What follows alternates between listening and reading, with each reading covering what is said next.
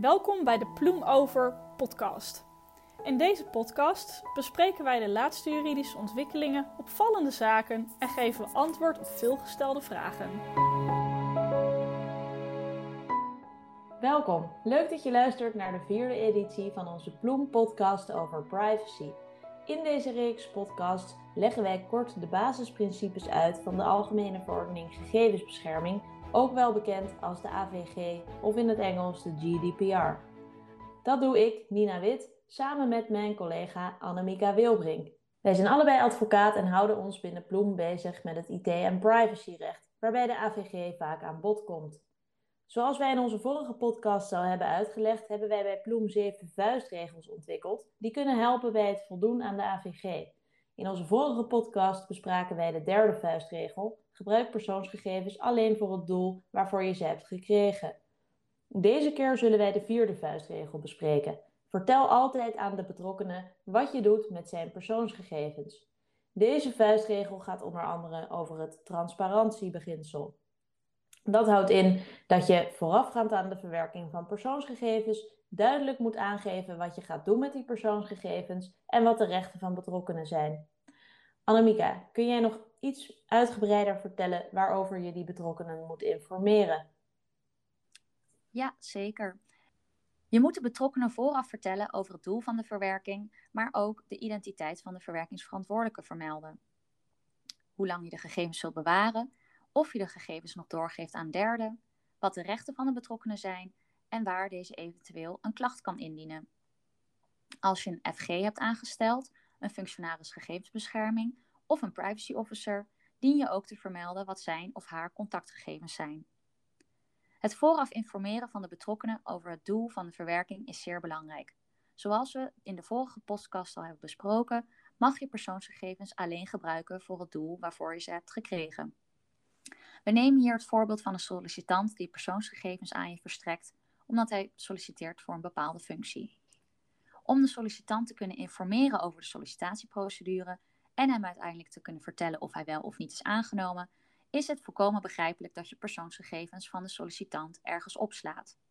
Het doel waarvoor je de persoonsgegevens gekregen hebt, is de sollicitatie en ten aanzien van deze sollicitatie sla je de gegevens ook op.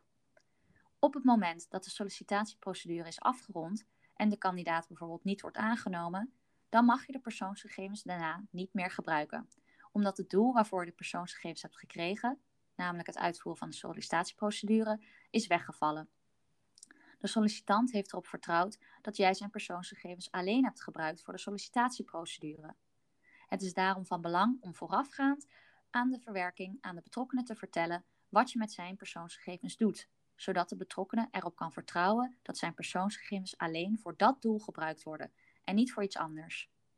Nina, kun jij wat meer vertellen hoe de betrokkenen dan kunnen controleren of bepaalde persoonsgegevens daadwerkelijk niet meer worden gebruikt? Ja, de betrokkenen kan controleren of zijn persoonsgegevens juist worden verwerkt door zijn rechten uit te oefenen. Onder de AVG heeft een betrokkenen een aantal rechten, zoals het recht op inzage. Dat recht is bedoeld om een betrokkenen de mogelijkheid te geven om informatie te verkrijgen over welke persoonsgegevens van hem worden verzameld. Ook kan een betrokkenen op deze manier controleren of de onderneming zich aan de wettelijke privacyregels houdt. Er zijn nog een aantal andere rechten van betrokkenen die goed zijn om even te noemen. De betrokkenen heeft het recht om persoonsgegevens te wijzigen of aan te vullen. Als verwerkingsverantwoordelijke, vaak dus als bedrijf, ben je ervoor verantwoordelijk dat de persoonsgegevens die jij verwerkt juist zijn. Als dat niet het geval is, als bijvoorbeeld persoonsgegevens zijn verouderd, dan dien je deze te wijzigen of aan te vullen. Dat kan ook inhouden dat je de betrokkenen erop wijst dat zijn persoonsgegevens niet juist of onvolledig zijn. Als je onjuiste of onvolledige persoonsgegevens aan derde partijen hebt verstrekt, zoals een verwerker, dan dien je ook die derde partijen daarvan op de hoogte te brengen. Vaak spreek je dan bijvoorbeeld af met die betrokkenen dat zij ook een verplichting hebben om hun adresgegevens bijvoorbeeld up-to-date te houden. Een ander recht van de betrokkenen is het recht op vergetelheid. Dat zien we vaak voorbij komen. Een betrokkenen die wil dan graag gegevens verwijderd hebben. Er zijn een aantal gronden uh, waarop uh, de betrokkenen zo'n recht kan baseren. Bijvoorbeeld omdat de persoonsgegevens niet langer nodig zijn of de betrokkenen zijn toestemming voor de verwerking intrekt. Ook kan een betrokkenen om een verwijdering van zijn gegevens verzoeken als de verwerking onrechtmatig plaatsvindt of als een wettelijke bewaartermijn bijvoorbeeld is verstreken, maar de persoonsgegevens nog steeds worden bewaard. De betrokkenen kan ook verzoeken om de verwerking te beperken, als hij bijvoorbeeld vindt dat er te veel persoonsgegevens worden verwerkt. Daarnaast heeft de betrokkene het recht op dataportabiliteit en dat betekent eigenlijk als hij bijvoorbeeld al zijn gegevens bij uw bedrijf heeft staan, uh, dat hij mag verzoeken om het naar een volgend bedrijf, bijvoorbeeld een volgende energieleverancier, ik noem maar iets, om alle gegevens dan over te zetten. Daarnaast um, is er nog recht op uh, uh, geautomatiseerde besluitvorming en profilering, eigenlijk om dat tegen te gaan. Uh, het is niet altijd mogelijk om besluiten te nemen op basis van geautomatiseerde gegevens, bijvoorbeeld via een algoritme. En dan kan de betrokkenen ook verzoeken dat er een menselijke blik op die gegevens geworpen wordt voordat bijvoorbeeld een besluit wordt genomen. De betrokkenen kan ook bezwaar maken tegen het feit dat zijn persoonsgegevens worden verwerkt als hij daar een gerechtvaardigd belang voor heeft. Je kunt bijvoorbeeld denken aan het verzenden van uh, e-mail, nieuwsbrieven of andere vormen van direct marketing, waartegen de betrokkenen bezwaar moet kunnen maken. Uh, dat wordt ook wel de opt-out regeling genoemd. Er bestaan natuurlijk wel uitzonderingen. Je hoeft echt niet aan elk verzoek te voldoen, uh, maar in beginsel wel. En je moet ook altijd binnen vier weken na ontvangst van zo'n verzoek reageren. Dus dat is goed om daar iemand voor aan te wijzen binnen de organisatie. Nu is het natuurlijk nog de vraag: hoe kun je die betrokkenen hierover nu allemaal het beste informeren? Annemieka, misschien wil jij daar nog iets over vertellen. Ja, want er zijn natuurlijk eigenlijk heel veel manieren waarop je betrokkenen kunt informeren. Maar uh, de meeste bedrijven doen dat tegenwoordig via een privacyverklaring of het privacy policy genoemd. Die privacyverklaring kan je op een schriftelijke, elektronische of mondelinge wijze aan de betrokkenen presenteren. Nou, de meeste bedrijven kiezen ervoor om een privacyverklaring te presenteren op een website.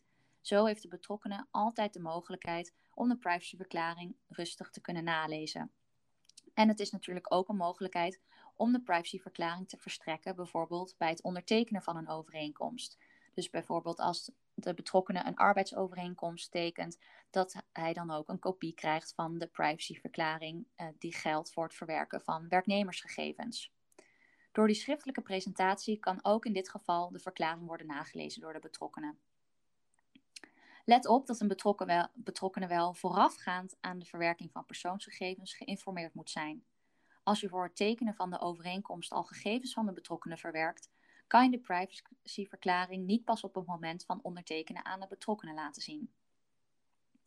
Met een privacyverklaring kun je op een makkelijke, beknopte en duidelijke manier van alles vertellen over de verwerking van persoonsgegevens.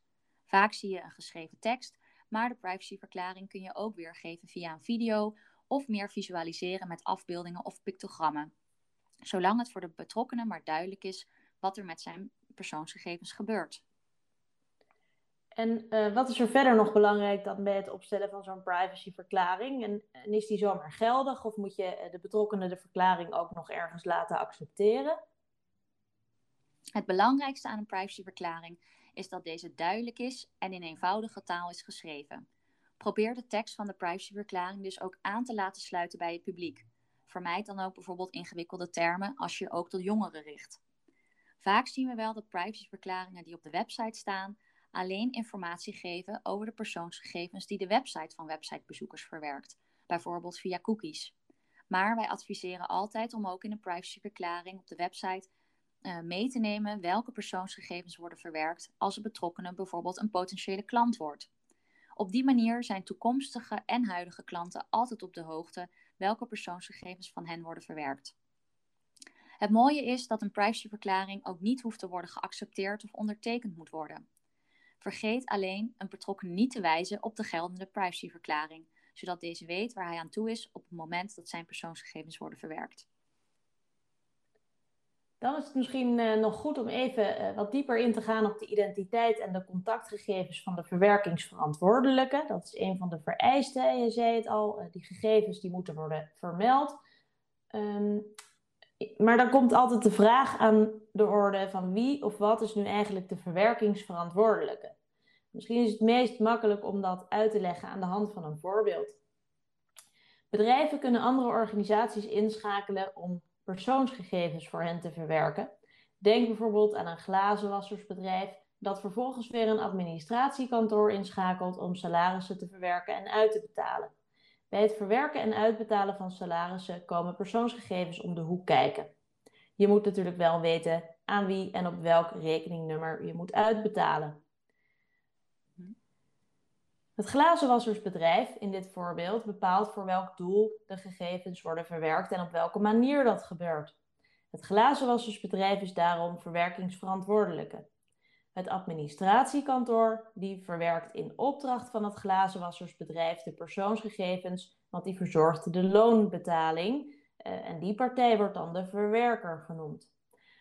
De contactgegevens van de verwerkingsverantwoordelijke moeten dus vermeld worden in die privacyverklaring. Dat is de partij die de meeste verantwoordelijkheden draagt onder de AVG en de partij bij wie de betrokkenen bijvoorbeeld hun rechten kunnen uitoefenen. Het noemen van contactgegevens is voldoende.